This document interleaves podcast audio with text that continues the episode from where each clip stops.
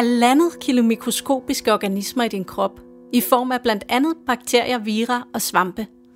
Mikroberne har altid været der, i og uden på kroppen og i vores omgivelser.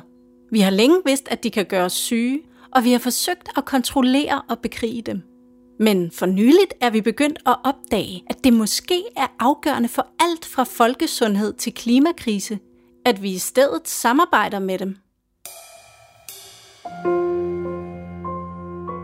Velkommen til Medicinsk Museums podcast Bakteriekultur, hvor vi retter mikroskopet mod vores daglige liv med mikroberne.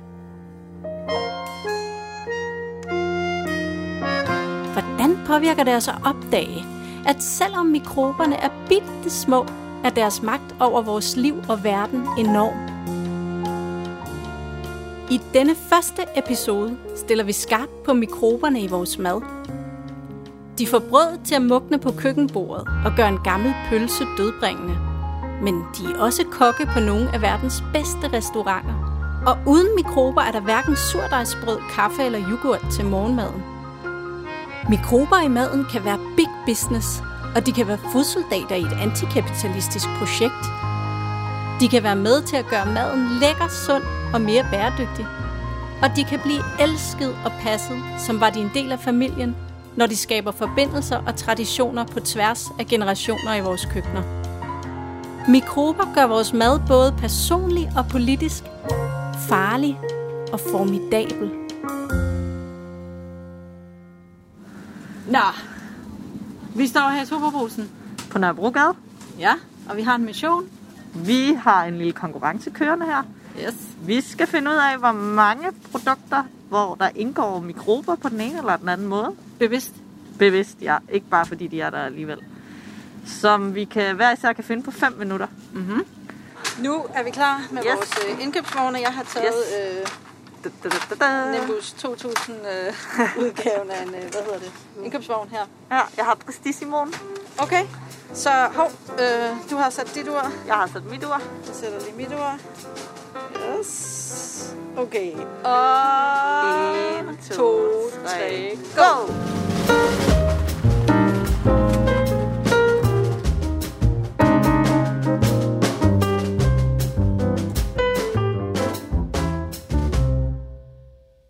Jeg er Marie Chimwemwe Deinbol.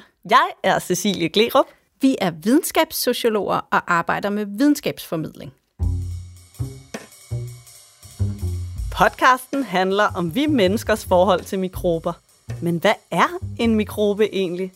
Ordet kommer fra græsk og betyder egentlig bare lille liv. Når forskere taler om mikrober, så er det bakterier, svampe, gær og alger. I daglig tale bliver det brugt mere løst, og mange omtaler også vira som mikrober. Men der er vi mere strenge og holder os til forskerne. Virus hører ikke med, og derfor kan du ånde lettet op. Det her er en podcast om, hvordan mikrober påvirker vores liv, men ikke en podcast om corona. Mikrober er et brandvarmt emne i forskningen netop nu. Vi har mange forskningskolleger, både på Københavns Universitet og på andre forskningsinstitutioner, som arbejder med mikrober. De fleste er sundhedsvidenskabelige forskere, som især i løbet af de sidste 10-20 år har opdaget, hvordan mikroberne i kroppen på alle mulige måder har kæmpestor betydning for vores fysiske og psykiske sundhed. På Medicinsk Museum forsker vi også i mikrober. Men her er vi interesseret i, hvad alt den her nye viden gør ved vores liv, selvforståelse og kultur.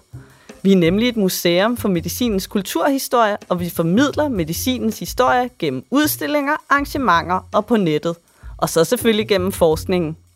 Den her podcast udspringer også af et forskningsprojekt, nemlig Microbes on the Mind, som undersøger vores forhold til mikrober i lyset af ny mikrobiomforskning. Der er fire episoder i podcasten, som kommer omkring forskellige temaer i vores liv med mikroberne. Denne første episode handler om mad. Alle råvarer er levende. Selv hvis en plante eller et dyr er dødt, så er det befolket med tusindvis af levende mikrober, som vi i tilberedningen af maden kan kultivere og dyrke eller slå ihjel. Vi har været ude og snakke med folk, der på den ene eller anden måde er sovset ind i både mad og mikrober. Både praktisk, professionelt, politisk og eksistentielt. Vi skal høre As Katsev, som kalder sig fermenteringsaktivist. Andrea Wismek, som forsker i, hvorfor folk spiser probiotisk kost, altså mad, hvor man bruger mikrober i tilberedningen. Og David Silber, som har været leder af Nomas fermenteringslaboratorie, og nu har ambitioner om at gøre fødevareindustrien mere bæredygtig ved hjælp af mikrober. Jeg har besøgt Andreas Markus, som bruger mikrober til at give mere smag til familiens vegetariske måltider. Og vi har talt med Karin Tybjerg, som bærer surdejsrobrød og har sin døde mors surdej liggende i fryseren.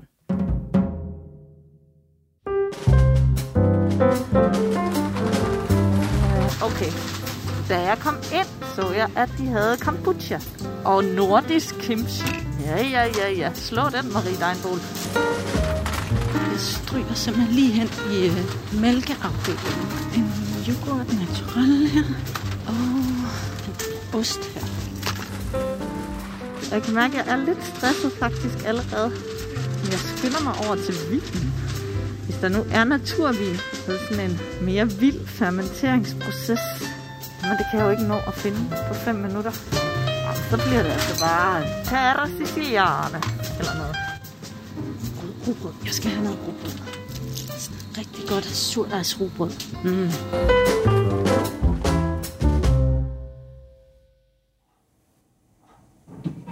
Er nødt til at have nogle ordentlige, nogle ordentlige værktøjer for at gå til det her. Det er ikke, det, er ikke, øh, det, tager, det tager altid at lære at skære rugbrød. Hvad er der i dit rugbrød? Øh, øh, der er en lille smule hvedemel, og så er der noget rugmel, og så er der knækkede rugkerner. Øhm, og det er det, der udgør den, den første surdej.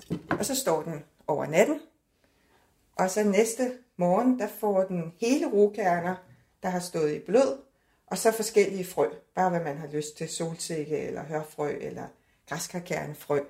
Og det bliver blandet ind, og så skal den stå igen. Det dufter i hvert fald virkelig godt. Sådan lidt syrligt. Du vil lige prøve, hvis du vil her. Det er stadigvæk lunt og sådan lidt klædt. Øhm, og det er så lækkert med lunt rugbrød, og samtidig ved jeg også godt, at det går i stykker. og det er den der lugt lige netop. En lille smule syrligt, lidt som øl.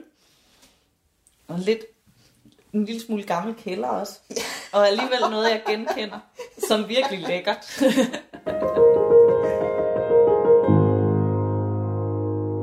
Mit navn er Karin Tybjerg, og jeg er her i dag først og fremmest som privatperson, hvor jeg bor her i mit lille rækkehus med min familie. Men indimellem arbejder jeg også, og der er jeg lektor på medicinsk museum på Københavns Universitet og arbejder med at lave udstillinger til museet og forske. Mikroberne i maden forbinder familien. Rugbrød i ovnen lugter af barndom. Når vi siger gjort af den samme surdej, er det både symbolsk og helt bogstaveligt. For mikroberne fra dig og din familie lever i den mad, I opbevarer, tilbereder og spiser. De små liv bliver deltagere i de store liv. I måltiderne, i dagligdagen, og som i Karins tilfælde også i vendepunkter i familiens historie. På et tidspunkt var der nogle biohackere, som lavede en rugbrødsworkshop på museeren. For biohackerne handlede det om at genvinde terræn i forhold til fødevareindustrien. Om selv at tage kontrollen over processerne i maden. For Karin blev det anledning til, at hun gik i sin mors fodspor og begyndte at bage rugbrød til sin familie.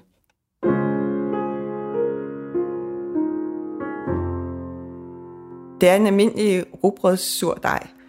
Jeg tror også, der sådan lå lidt i mig, at, at på et tidspunkt i, i min barndom, der, der tog min mor et år fri fra sit arbejde, Øhm, og, og en del af tiden brugte hun på at prøve at kæmpe sig frem til at lave sin egen surdej. Og der spiste vi os igennem altså de mest uanstændigt frygtelige rugbrød af forskellige, af forskellige art. Og så at, at jeg så den her surdej i biohacking-laboratoriet, og, og så, okay, det her, det kunne godt lade sig gøre, at, at så, så, vil jeg, så, vil jeg gerne, så vil jeg gerne prøve det, og se, om, om, om jeg kunne lykkes med det. Så du fortsatte på en eller anden måde din mors projekt? På en måde, ja. Og, øh, og, og, og det endte også med, at, øh, at jeg fik, øh, at da jeg fik surdejen og, og prøvede den, at så gav jeg noget af, af surdejen til min, til min mor også. Øh, og så begyndte hun også at bage råbrød. Um, øhm, og så, så havde vi vores to, to øh, surdeje i, i, i parallel. Og øhm, hvis vi var på ferie, så vidste man, at der altid var en backup surdej, hvis, hvis øh, en af vores surdeje var blevet sådan, de bliver sådan lidt flade, hvis de får lov til at stå for længe, så synker de sådan sammen. Hvorfor er det vigtigt, at det er den samme surdej? Øh, det er et godt spørgsmål. Jeg havde jo netop tænkt på, altså, hvad der ville ske, hvis, hvis min, min surdej, den øh, forrådnede nu. Fordi øhm, jeg mistede min mor sidste sommer, øhm, og på en eller anden måde, så kunne jeg sådan mærke, at, at det der med, at, at hun havde surdejen, at, at det var sådan et sikkerhedsnet. Og på en måde, når man mister en forælder, så er det, er det det sikkerhedsnet, der forsvinder på en, en global måde. Og, og der var surdejen på en eller anden måde sådan et, lidt et, et, øhm, et sådan symbol på, på det tab, at der ikke var nogen, der havde, der havde surdejen. Og, og der det nede på en eller anden måde var det lidt vigtigt, det var den samme, fordi det er en, der har virket for os, og, og, og det er en, der har, der har været hos os begge to.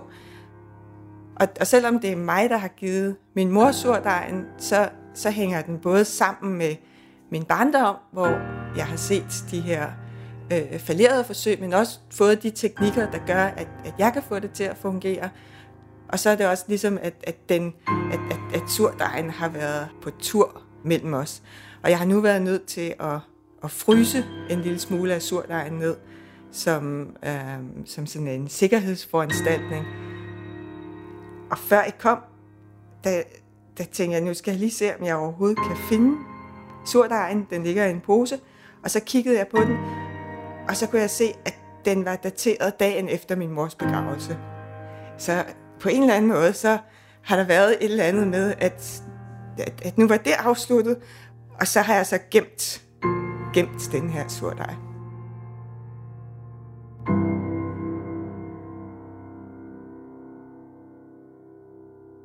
Hej, øh, jeg jag heter Andrea Wismeg och jag är postdoc i eh, uh, Microbes on the Mind-gruppen uh, på Medicinsk museum.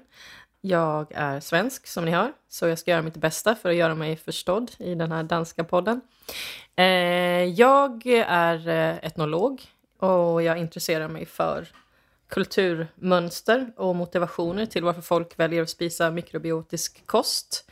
Vi har valt att kalla det så, som ett samlingsbegrepp, för det är ju helt enkelt en ganska så stor trend idag att eh, spisa antingen fermenterad mat eller eh, probiotiska eh, kosttillskott i sin kost. Vis mig din indkøbskurv, og jeg skal sige dig, hvem du er. Vores hverdagsforbrug er tæt vævet sammen med vores livsstil, identitet og værdier – og turen i supermarkedet kan være forbundet med mange politiske valg og afvejninger. Vis mig mikroberne i din madvarer, og jeg skal sige dig, hvad du drømmer om. Der er nemlig mange forskellige grunde til at spise mikrobemad, afhængigt af værdier og verdenssyn. Det ved Andrea Wismek, som også er forsker på Medicinsk Museum, en hel masse om. På bakgrund av det som jag har funnit när jag har gjort min online research om man säger så kring den typen av produkter som finns, den typen av marknadsföring som man kan se, men också i olika typer av onlineforum så kan jag nog se att det finns flera ting. Det finns en idé om det, ska man säga, naturliga. Det naturliga är en superviktig eh, faktor. Den naturliga tillverkningsprocessen som god i sig på något sätt. Att man inte har onödiga tillsatser och att produkten blir helt naturlig för att processen är naturlig på något sätt uh, gör att det skulle vara hälsofrämjande på ett större plan. Man kan också gott spisa det för att man har en, en speciell sjukdom eller någonting sånt som man, som man upplever att det har en god, uh, en god effekt på, en positiv påverkan på. Men det finns just nu en väldigt stark trend i både matproduktion men också i spisande och dieter och kost eh, som handlar om att eh, hålla, att först och främst uppnå en sund tarmflora och bibehålla en sund tarmflora genom livet. För det finns många föreställningar kring att eh, den moderna livsstilen med den typen av raffinerade och väldigt eh, behandlade typer av eh, produkter som vi spiser, att det påverkar oss negativt. Eh, och det finns också naturligtvis en stark motivation i eh, hållbarhet, beaduktighet, Heter det så? Ja. Eh, för det att, ja, för klimatet. Um, och för att man kan ta tillvara på väldigt mycket råvaror och för, förlänga deras liv. För bara några generationer sedan kändes uh, gammaldags på något sätt. Nu har ju det blivit väldigt uh, viktigt igen för många. Så jag tror, om jag ska fatta mig kort, det är både hälsa, hållbarhet, klimatet och också idén om att ta tillvara på att det är naturligt och autentiskt men också någonting som knyter an till en väldigt lång tradition som vi har med oss i de flesta kulturer att bevara mat på det sättet över året helt enkelt. Og jeg tænker chokolade, det er lige her nede om hjørnet. Der er lige kommet chokoladejulemand. Det er sjovt, man forbinder fermentering med sådan lidt bedre kvalitet, men det er jo faktisk alle kakaobønder, der er fermenteret, ellers så smager det, kommer det slet ikke til at smage kakao. Åh, oh, der var chokolade ned i kurven. Øl, øl, øl, øl, her er en øl. En juleøl. Marineret sild. Jeg synes, det begynder at fylde godt ned i min kurve.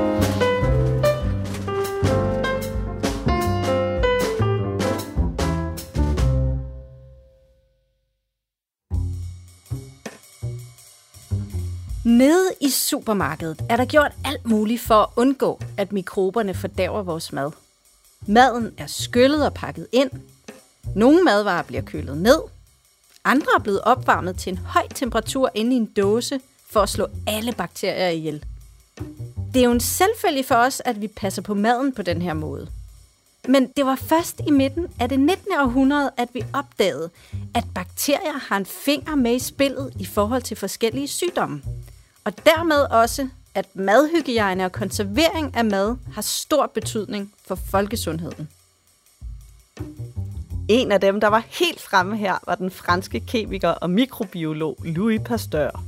Han fandt dels ud af, at mikroberne er årsag til vores infektionssygdomme, dels at mikroberne spiller en alt afgørende rolle i nogle bestemte smagsudviklingsprocesser. For eksempel det, der sker, når vi laver druer til vin og når vi brygger øl. Og de spiller også en rolle i nogle bestemte konserveringsprocesser. Han har lagt navn til pasteurisering, den proces, som vi kender fra mælk og konservesdåser, hvor vi varmer madvarer op for at slå mikroberne ihjel. De her opdagelser har betydet rigtig meget for, hvordan vores fødevaresystem har udviklet sig.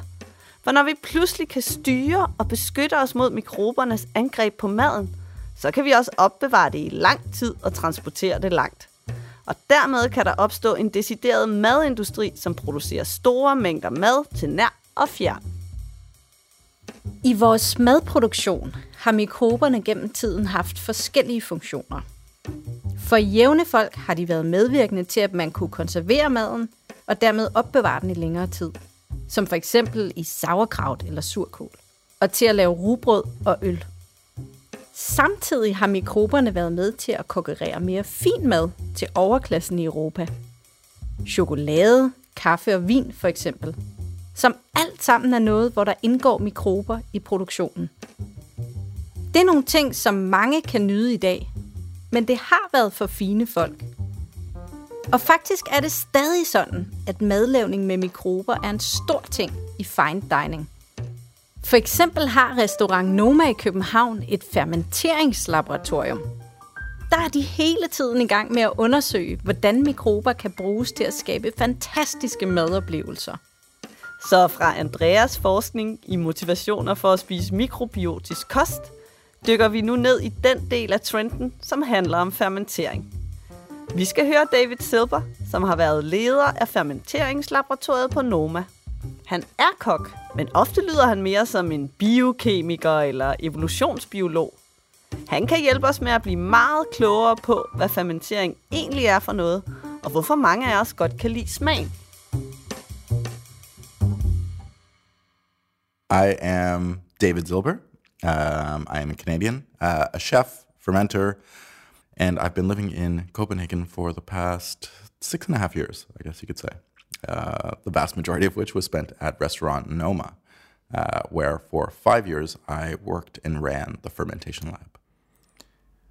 I find fermentation fascinating because it is a window into the natural world in the deepest sense. In its simplest terms, fermentation is the transformation of one ingredient into another with the help of a microbe. That's it. Now, of course, if you were to see a deer, let's say, that was hit by a car on the side of the road, that deer could have been a barbecue dinner, but it's also been transformed by microbes into something else. But when a deer is dead in the forest and rotting over the course of two weeks in the summer sun, that's not fermentation because it's rot. It is everything happening at once. I en fermenteringsproces omdanner mikrober kulhydrater i for eksempel en frugt til syre og alkohol. Hvis det sker i fri luft, vil frugten langsomt blive nedbrudt, som når æbler rådner under æbletræet. Men hvis det sker for eksempel i et sylteglas, hvor der ikke er noget ilt, så vil det være sunde og gode mikrober, der overlever, og fermenteringsprocessen konserverer maden, snarere end at gøre den uspiselig. Fermentation is the transformation of one ingredient into another with a human dictating that process. So that's the important part. It takes human intent to make sure that what you get on the back end of that process is actually something that's worth consuming. Fermentation is all around us. And when you get into its inner workings, an understanding of nature uh, at her largest scales is demonstrated by nature at her smallest.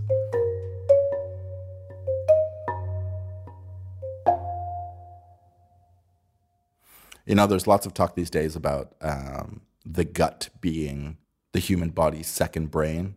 Well, I have an extension to that, and I, if, if, if that's true, then I have to say that the fermentation crock is the human body's second stomach. It's just a place where you can begin the act of digestion before taking it into yourself.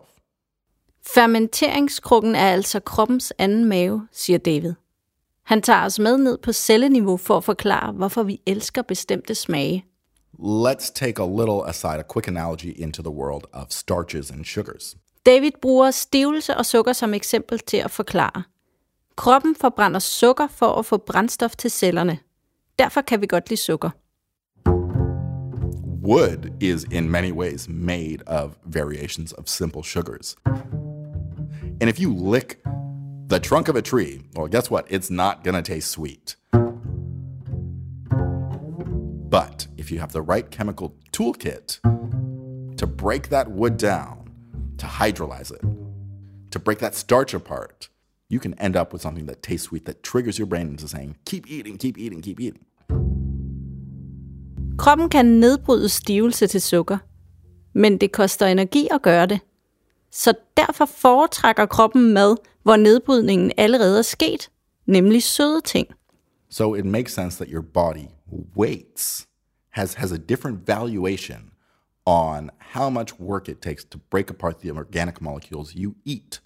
If it doesn't have to do any work, it says, this is the best thing possible, keep eating more. Det er altså ifølge David derfor, vi mennesker godt kan lide blandt andet sukker. What is that? Fats, simple sugars, umami. Men også umami. Helt parallelt til eksemplet med stivelse og sukker, så er umami nemlig tegn på, at vi kan få nødvendig næring uden at gøre en masse arbejde.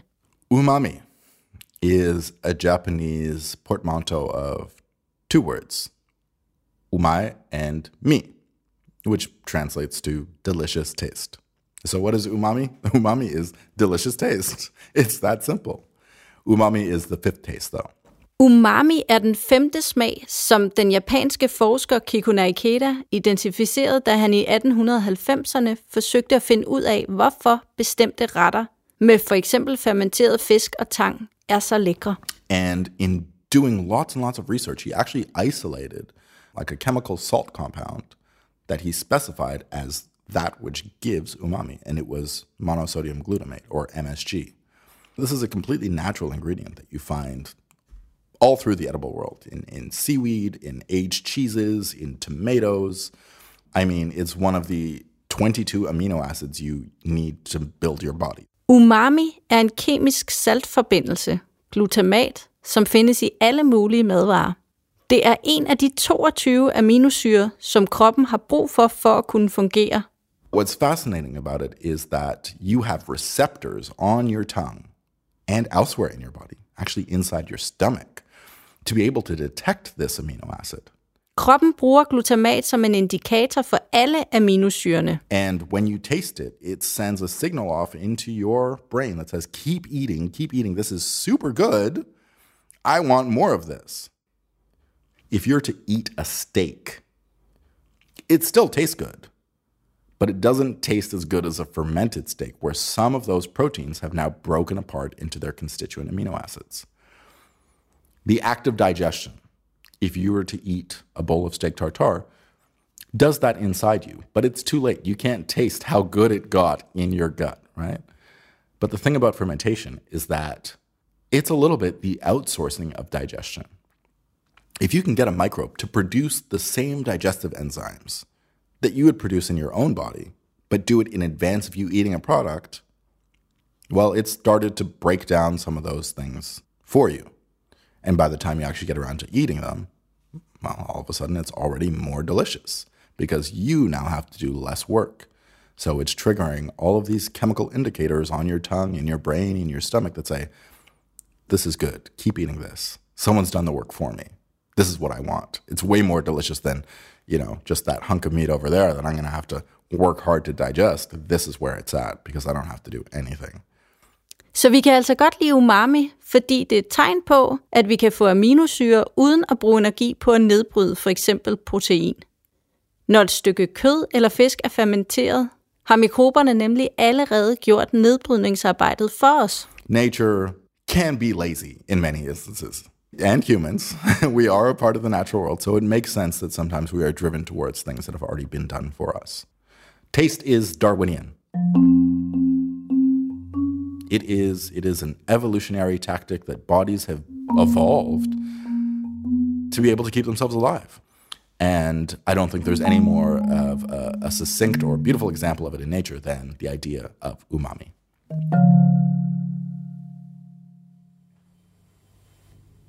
Jeg er jo faktisk ude ved Andreas Markus. Jeg står ude i hans køkken, og øh, jeg er taget ud til Andreas, fordi at han er et af de mennesker, jeg kender, der går mest op i mad. Udover at han jo faktisk også laver vores musik til podcasten. Hej Andreas. Hej jeg skal snakke med dig om, øh, om mad og om smagsoplevelser. Og Andreas, hvorfor er det egentlig, du synes, at fermenteret mad er så lækkert? Det her, der er jo mange måder at fermentere på, og det her, det gælder jo ikke alt fermenteret mad, men det, som jeg synes er lækkert ved, ved noget fermenteret mad, er, at det bringer mere øh, umami ind i smagen. Ja. Ja, hvad er det, der er med det der umami? Øh, den her smag øh, har været noget, sådan, som jeg har hørt nævnt, i hvert fald de sidste 10 år, som noget, som bare sådan fyldig smag, og jeg har sådan gået tænkt over, hvad er det egentlig? Øh, man kunne godt fornemme, at der var nogle retter, som havde noget fyldighed, som jeg rigtig godt kunne lide. Ja. Og så var jeg så heldig, at øh, min svigerinde, øh, hun forærede mig en bog, der hedder øh, Umami. Ah, den har sådan en undertitel, jeg ikke kan huske. Ja. Og jo mere jeg læste den her bog, jo mere fandt jeg ud af, at alt det mad, der stod nævnt i den her bog, det, det er alt det mad, som altid har været min yndling. Øh, fandt ud af, gud, jamen det er jo den her smag, jeg har gået efter. Ja. Det er jo det her, øh, de her bestemte sammensætninger, som, som danner meget, altså umami, parmesan, bolognese, øh, asiatisk mad med soja, øh, svampe, fandt jeg lige pludselig ud af, jamen de hører i den her kategori, og det er det her umami, som de frembringer. Øh, og efter jeg begyndte at læse om begyndte jeg ligesom at eksperimentere mere systematisk med at, at, at få det frem, og jeg er blevet bare sådan endnu gladere for at lave mad. Det er så fedt. Ja. Jeg ved jo også, at der har været lidt et vendepunkt i det at lave mad for dig, fordi du faktisk er blevet vegetar, eller Ja. i hvert fald pesketar, skulle man måske Ja, kalde jeg det. spiser fiskeskalddyr. Og hvad gjorde det ved det her med at så skulle øh, jagte umami? Ja, men det var udfordrende, fordi at jeg spiste heller ikke mælkeprodukter. Jeg kunne ikke bruge min parmesan, som jeg plejede. Jeg kunne ikke øh, langtidskognet oksekød, eller sådan, altså, jeg blev nødt til at tænke øh, helt nyt. Øh, og så måtte jeg finde nogle nye våben, kan man sige, ikke? Ja. Øh, Og jeg kunne faktisk godt tænke mig, når vi står her i Ja. det her køkken, så kunne jeg jo godt tænke mig at øh, se nogle af de våben. Ja, ja, Og her tænker jeg ikke på de meget store knive, der også er rundt omkring. nej. Men øh, hvis du kunne tage nogle Ja. ting frem, Jamen, det kan du som, som øh, giver umami. Ja. Så har vi sådan noget som sojasauce. Forskellige slags sojasauce. Ikke? Der har vi den øh, kinesiske soja, lys sojasauce. Ikke? Øko fra Netto. Ja, og så har vi øh, sådan tamari, japansk her, Ja. øh, som har en helt anden smag. Øh, og så har vi den mørke sojasauce her, også kinesisk, som er sådan meget kraftig i smagen. Er det der tre en skala? Jeg vil sige, de, de er meget forskellige i deres aroma. Ikke? Altså, altså, den mest neutrale, det er den kinesiske lyse der fra Netto der. Ikke? Den har ikke sådan super meget fermenteret smag. Den er ret salt, men den er også ret meget glutamat. Ikke? Ja. Hvor jeg oplever, at, at tamarien, den har faktisk endnu mere glutamat og lidt mindre salt. Altså, Ja. det står jo ikke bagpå. Nej. Hvordan ved du det? Jamen, det, kan, det er efterhånden blevet trænet i at fornemme. Ja, hvordan kan du, Øh, for, for, kan du prøve at beskrive den Ja. fornemmelse for mig? Jamen, det er sådan en, øh, en øh, kødfuldhed, sådan en, øh, en sådan dyb tilfredsstillelse, man opfatter inde i munden. For mig er det, på min tunge, er det meget bag på tungen. Det betyder ikke, at det er det på din tunge. Men jeg har fundet ud af, at der ligger det meget for mig. Så det er bare følelsen af, at, at man vil have en til bid. Altså følelsen af, at man kan spise mere, og også følelsen af, at når man har spist måltid, at hvis der var meget af det, så er man sådan midt på sådan en, ikke bare på sådan en tung i maven, men på sådan en tilfredsstillet måde. Jeg synes, når jeg har fået et umami-holdigt måltid, så er det sådan, jeg kan være midt i mange flere timer, end hvis jeg fik noget, som ikke havde umami overhovedet. Ja. Ja. Øh, og der har jeg lige opdaget den her helt fantastiske fiskesauce, som er lavet af øh, helt friske ansjoser på en eller anden lille vietnamesisk ø. Ja. Øh, og den er simpelthen, du kan lige prøve at dufte til den. Ja. Den har jo duften af gammel fisk, ikke? Ja, jeg, var, det var, jeg tog mig selv i at lade være med at sige hundemad. Ja, ja, men jeg kan godt se, hvad du mener. Det har den jo. Men så, men så prøv i forhold til den her. Ja, okay. I see your point. Den her, den er virkelig gammel fisk, ikke? Gammel fisk og dårlig vitaminpille. Ja, ja. Og det simpelthen øh, har fundet ud af, at det betyder at alverden, hvordan den har lavet fiskesaucen. Og, og det, som betyder allermest, det er, hvor friske fisken har været, når de sætter gang i fermentering. Øh, og den har jeg lavet med helt friske fisk. Og, og så er den også lavet på den gammeldags måde, hvor de står og fermenterer et år. Så den har sådan en kraftig umami, uden at have så voldsomt kraftig fiskesmag. Øh, og det blomkål, vi lige har spist, så har jeg faktisk lige brugt den. Det giver bare lige, mm, det løfter det lige.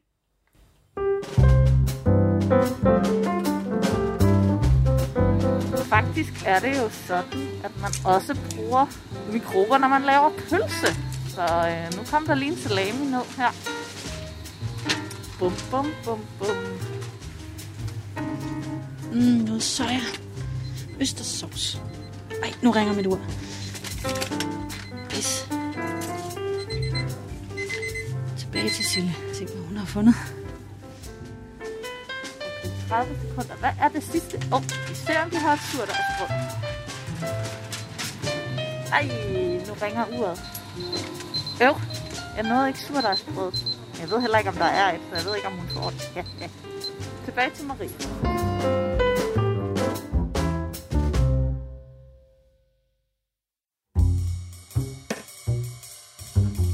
Så Andreas siger, at fermenterede ingredienser har hjulpet ham med at lægge kosten om til noget mere plantebaseret. Og nu begynder det at blive politisk, for mikroberne bliver centrale aktører i politiske kampe om, hvordan vi skal få mad i fremtiden. Hvilken slags mad skal vi overhovedet spise? Hvordan skal den tilberedes? Og hvem skal gøre det? Og hvordan sikrer vi, at der er mad nok til alle? På en bæredygtig måde? Selvom de fleste sikkert kan blive enige om, at bæredygtig mad til alle på kloden er et ædelt mål, så er der mange forskellige idéer til, hvordan vi skal komme derhen. Skal vi producere maden hjemme i baghaven, eller i små lokale fødevarefællesskaber? Eller er det nærmere fødevaregiganter, som Nestlé og Heinz, der skal omlægge produktionen?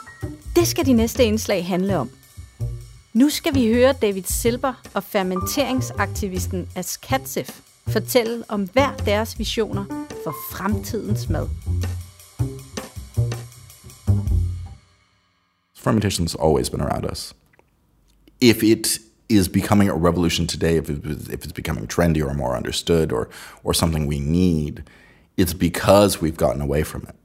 Det 20. århundredes industrialisering af blandt andet fødevareproduktionen har ifølge David Silber blandt andet betydet mindre samarbejde med mikroberne i maden. Og det har medvirket til den vestlige verdens store folkesygdomme, som for eksempel diabetes og kroniske tarmsygdomme. And a lot of it stems from the way we treat our food supply. Um, when you strip some of these chemicals that we talk about that we love so so much from their their their their natural botanical or animal origins and you purify them and you hand them off to someone and say here for 99 cents you can have 500 calories worth of pure sugar cane in water with flavor like that is not how human beings have ate for 99.9% of human history ever and it comes with problems Men mikroberne kan være en del af løsningen. But if we can turn to fermentation, if we can turn to the traditional means of how we fed ourselves through history, we will kind of automatically solve a lot of these problems. If we understand that the preservation of fruit in its whole form, or you know, the fact that food should be alive and sterilization comes with nutritional deficits that you don't have to deal with if something is sitting protected by microbes that have lived in and on it in in one fell swoop, you will solve a lot of problems at once. So that's why I think that well, if we need a revolution in, in fermentation, it is it is maybe getting back to where we came from above anything else. Så ifølge David har vi meget at vinde i forhold til folkesundheden, hvis vi i højere grad samarbejder med mikroberne i madproduktionen. Og mikrober i maden kan faktisk også være en del af løsningen på klimaproblemerne, the vast majority of people on Earth consider meat a, a, a staple part of their diet. Um, there's nothing wrong with meat, but it cannot be consumed at the rates it's being consumed at. Period.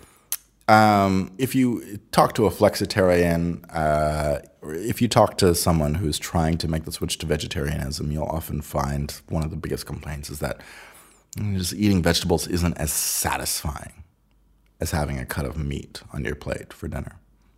And it's an understandable sentiment. Det kræver nemlig en masse arbejde, hvis vi mennesker skal finde den perfekte kombination af plantebaserede ingredienser, som giver os alle de aminosyre, kroppen har brug for. Look at it this way. If a cat goes out into nature and hunts mice, it only needs to eat mice because mice are made of all the same things cats are. That's what being on top of the trophic pyramid is. it is more difficult for an omnivore um, or uh, an herbivore for that matter. Det kan for eksempel være udfordrende at få tilstrækkeligt B12-vitamin på en vegetarisk diæt. Fermentation absolutely helps to solve some of those problems. Men hvis man spiser fermenteret mad, så har gærcellerne under fermenteringen faktisk produceret B12-vitamin til deres egne kroppe, som nu er i maden. Um, so, you know, there's, there's problems like that that people can work on to just alleviate the strain on our planet just by deciding what people eat and shifting the inputs away from resource heavy uh, or greenhouse gas heavy um, choices towards less intensive alternatives and thus switch away from the dependency on that animal heavy diet and the fact that fermentation renders the vegetable world more delicious is almost like nature telling you, like, this is the way because it tastes good. So, draw your own conclusions.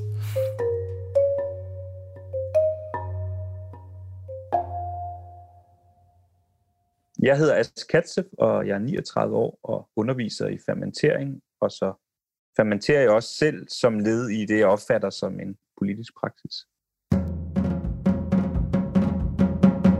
Ja, den, der, den interesse, der har været for fermentering ikke, de sidste 10-15 år, har jo netop kredset meget om det gastronomiske, altså de der gastronomiske muligheder, der er. Det synes jeg også er rigtig spændende. Altså, der er jo virkelig der er meget at komme efter i forhold til, hvad fermentering kan gøre i, i forhold til smag og, og øh, sådan noget i, i vores mad. Men altså, for mig, der er det her fermentering er i høj grad også noget, der er politisk.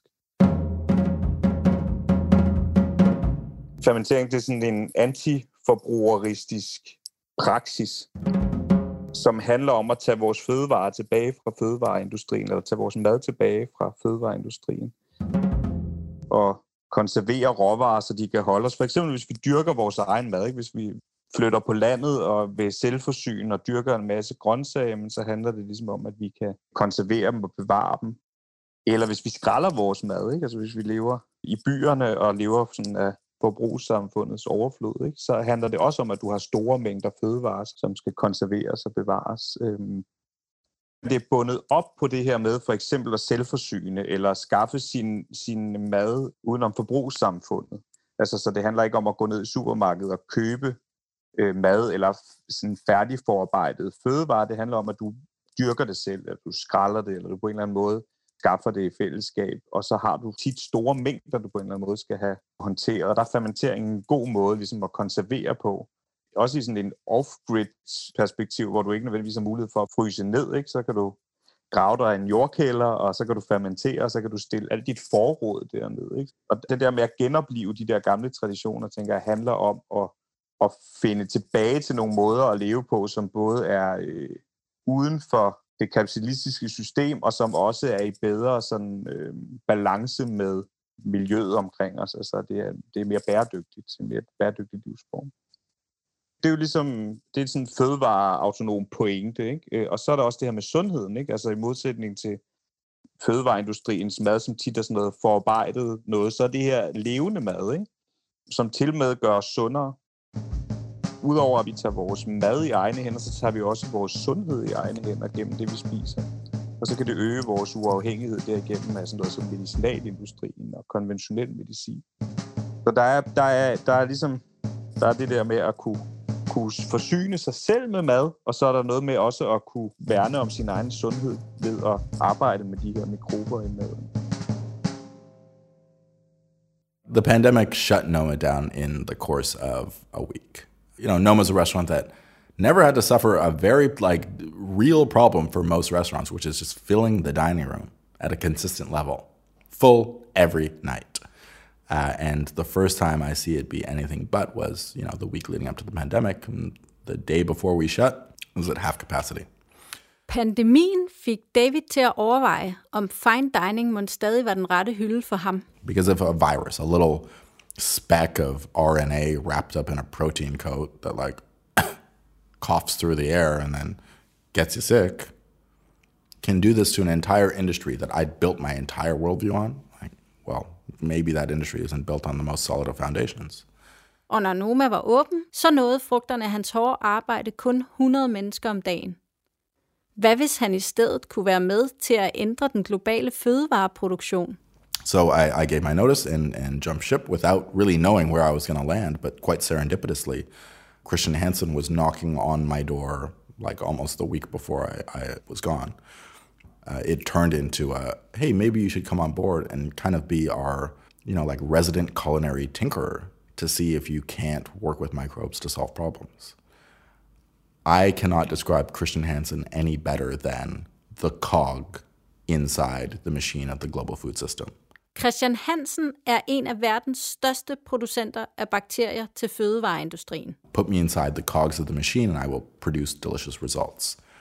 De udvikler og producerer bakteriekulturer, som for eksempel kan forbedre smag, ernæringsværdi og holdbarhed, eller som kan optimere planters resistens og vækst.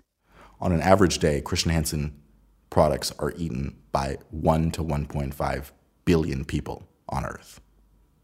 That is how ubiquitous fermentation is, whether it's pepperoni on a pizza, whether it's yogurt, bread, wine, beer, they produce microbes for it all. Uh, so it felt like a perfect fit, and I basically get to do exactly what I was doing at Noma.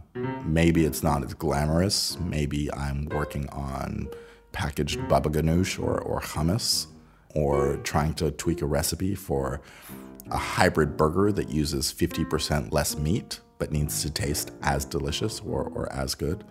But I almost see that as a more worthy challenge because of its effects downstream. You know, the outsized effect of me coming up with the recipe at Christian Hansen is that I could change the lives of hundreds of thousands in one fell swoop, if not millions, if not billions, way down the line.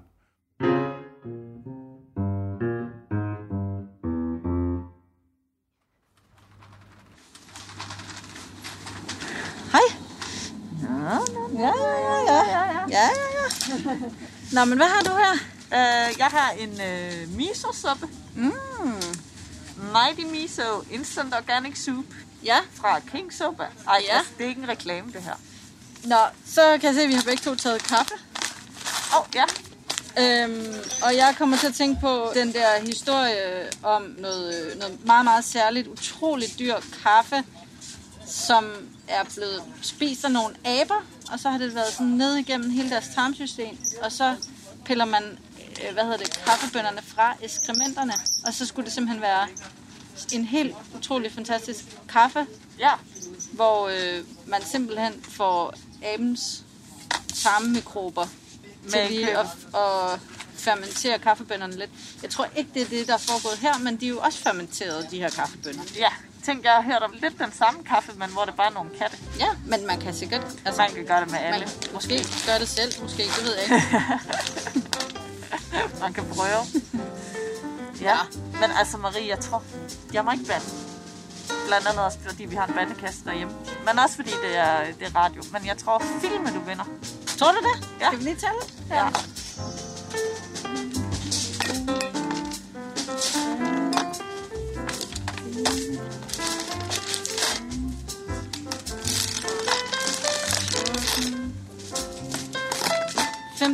Ej, du har en mere end mig.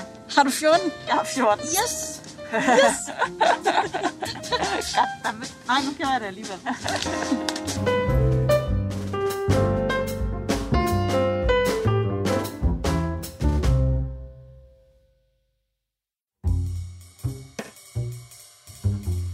Mikrober kan muligvis være med til at løse fødevarekriser og bæredygtighedskriser.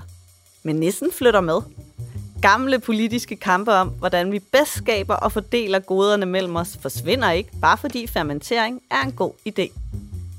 Det bliver spændende at se, om vi alle sammen begynder at fermentere derhjemme. Eller om det bare er en trend som ostefondy i 80'erne. Og hvis vi gør, vil det så faktisk have en effekt på, hvor bæredygtig vores mad er, og på vores sundhed? Det kommer nok også an på udslaget af de fødevarepolitiske kampe. Måske kan David ændre fødevareindustrien til det bedre, blandt andet ved at udbrede plantekost med masser af umami. Måske kan Ask mobilisere et oprør fra neden og gøre os uafhængige af den selv samme industri ved hjælp af fermentering. Jeg er til gengæld blevet meget mere opmærksom på den mad, jeg spiser, hvorfor jeg spiser den, og min families ritualer omkring maden. Ikke nødvendigvis omkring sundhed eller bæredygtighed. Jeg lægger bare meget mere mærke til alle de bakterier, vi deler, når vi rører ved den samme mad, spiser den samme mad og laver mad sammen. Hvis der er rester efter aftensmaden, så lever alle vores bakterier videre sammen ude i køleskabet. Det synes jeg er ret hyggeligt. Det er som om, jeg er blevet forbundet mere med de andre ved at vide, at vi hele tiden er i kontakt med hinanden gennem maden og mikroberne. Og sådan kom vi til vejs ende. David Silver får lov at få det sidste ord. En slags opfordring. Godt hjulpet på vej af lydkunstneren Eduardo Abrantes.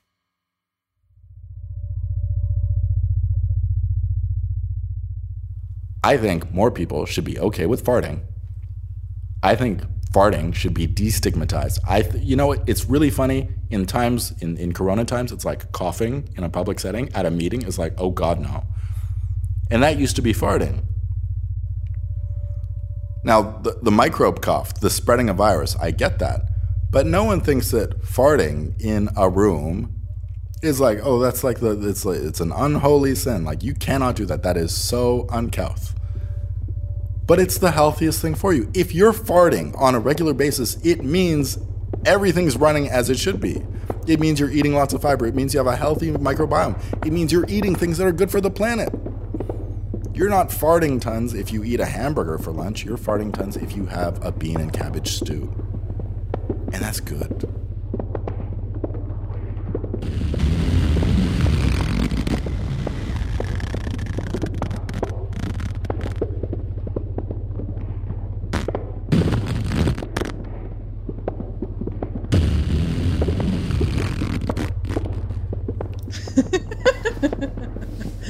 I fart around my girlfriend and I laugh. Not out of embarrassment, because I know farting is completely natural and it's good for you and all the things that live inside you. It's your microbes fermenting. Exactly. Yep. Yep. It is. It is.